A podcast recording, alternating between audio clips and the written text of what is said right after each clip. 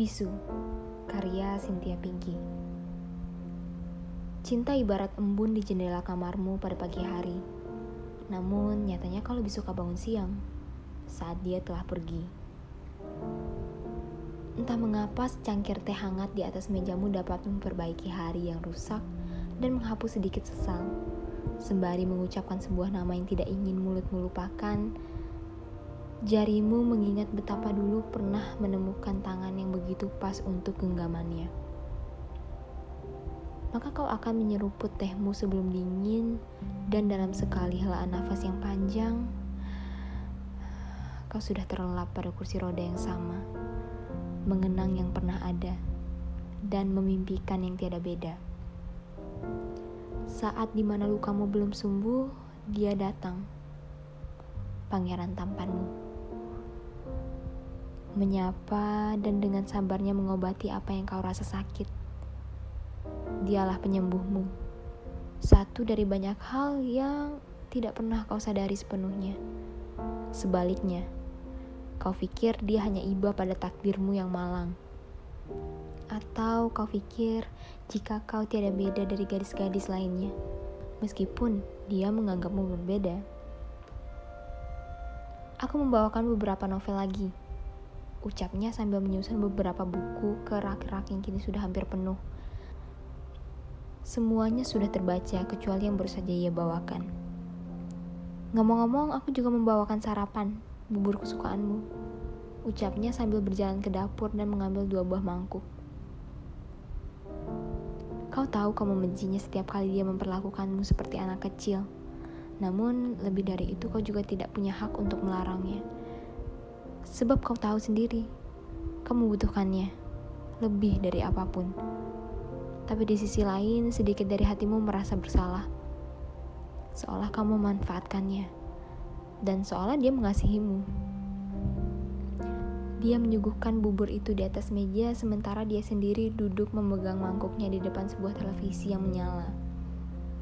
Menyiarkan berita pagi terkini tentang badai yang menghantam daerah selatan.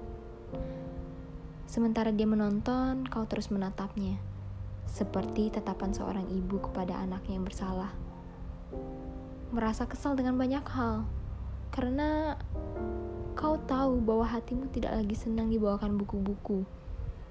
Tidak lagi suka saat dia membawakanmu sarapan, memperlakukanmu seolah dirimu adalah gadis manja yang tidak bisa apa-apa.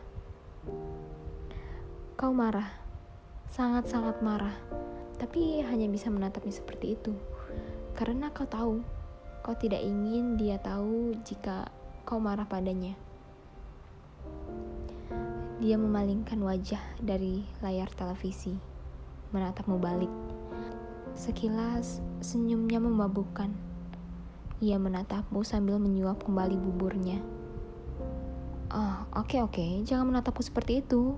Aku tahu ini musim hujan, aku akan membawa payung, ucapnya salah mengartikan tatapanmu. Tanpa mengacukan senyumnya, kau memakan buburmu sendiri. Tidak tahu apa yang kau rasakan. Karena saat dia tahu, kau takut dia pergi. Hari ini aku libur dan ingin mengajakmu ke satu tempat. Pangeran tampanmu itu mengambil alih mangkuk yang sudah habis bahkan sebelum ada niatanmu untuk meletakkannya ke dalam mesin cuci piring. Kemudian dengan cepatnya ia kembali lalu mendorong kursi rodamu menuju kamar. Aku akan tunggu 30 menit dan kamu tidak perlu berdandan terlalu banyak karena kamu sudah cantik sayang. Ayo cepat ganti bajunya, kita akan pergi. Dia nyengir dan menutup pintu kamar dari luar, meninggalkanmu sendirian. Tubuh itu mematung di kursi rodanya, bingung. Tidak tahu ingin melakukan apa. Bahkan hingga 30 menit berikutnya. Sayang, kamu sudah siap? Ketukan itu datang lebih cepat dan pangeranmu sudah membuka pintunya.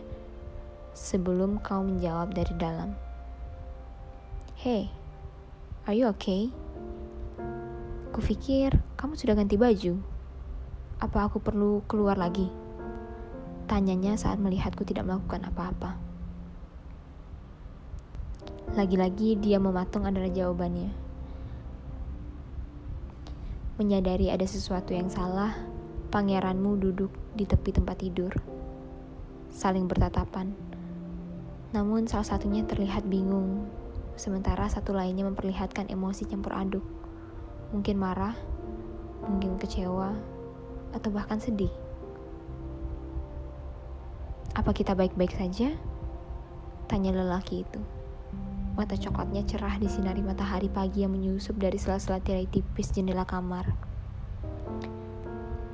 Biasanya mereka akan saling mengerti, bahkan hanya dengan menatap mata tanpa saling bicara. Namun kali ini berbeda. Maka kau akan mengeluarkan buku kecilmu, menulis sesuatu dengan frustasi berlebihan. Aku merasa bodoh dia menulis dan tulisan itu berucap, "Apa aku melakukan kesalahan?" Pria itu bertanya balik. Kesalahan kamu adalah tidak melakukan kesalahan apa-apa. Kalimat itu seolah kehilangan akalnya. Aku tidak mengerti apa yang kamu maksud. Lelaki itu masih mengernyitkan kening. Kemudian kamu mengeluarkan tulisan itu dua paragraf yang kau tulis selama 30 menit belakangan. Isinya, kau mencurahkan semua hatimu, semua perasaanmu, yang selama ini terasa menjanggal dan membuatmu tidak karuan. Aku merasa bodoh, aku merasa bodoh setiap kali kamu datang di pagi hari membawakanku buku-buku dan sarapan. Aku merasa bodoh setiap kali kamu terlalu baik menjengukku beberapa kali dalam 24 jam dan mengurus segala keperluanku. Aku rasa itu tidak perlu. Aku merasa bodoh bahkan di saat kita bertengkar dan aku hanya bisa menulis terlalu lama seperti ini. Aku merasa bodoh. Kamu membuatku merasa seperti itu. Kamu membuatku merasa jika aku ini jahat. Terkadang aku merasa kamu berbuat demikian hanya karena kasihan, hanya karena rasa ibamu itu aku bisu dan lumpuh. Tapi itu tidak ada apa-apanya dari rasa bersalah terhadapmu karena sudah mengurusku seperti ini. Hei, sadar, kamu bukan pangeranku. Kita tidak sedang bermain dalam negeri dongeng. Tidak ada cinta yang terlalu baik seperti ini, maka ya sudah pasti kau hanya kasihan.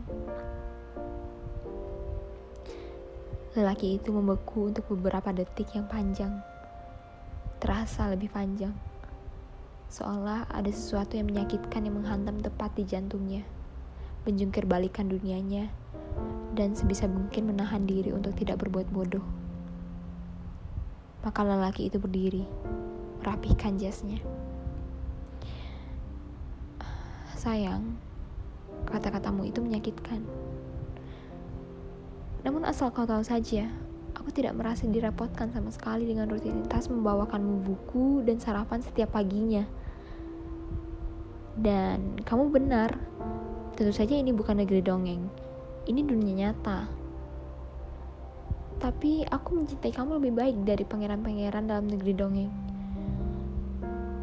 Satu-satunya hal yang paling aku takutkan adalah jika datang ke sini dan tidak menemuimu di mana pun. Ucap lelakimu dengan penuh nafas yang berat. Kau tahu, hanya ada satu orang yang bisa membuatku berlutut seperti ini. Lalu lelaki itu berlutut di depan kursi roda tersebut dan mengeluarkan sebuah kotak yang berisi cincin di dalamnya. Will you marry me?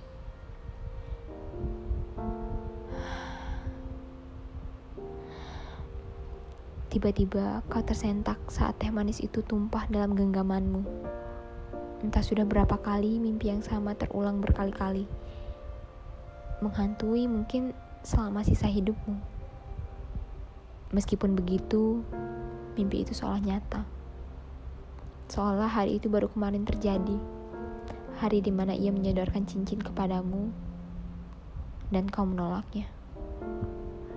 Bagaimanapun juga, waktu tidak bisa dikembalikan apalagi menghapus penyesalan yang kini menggerogoti.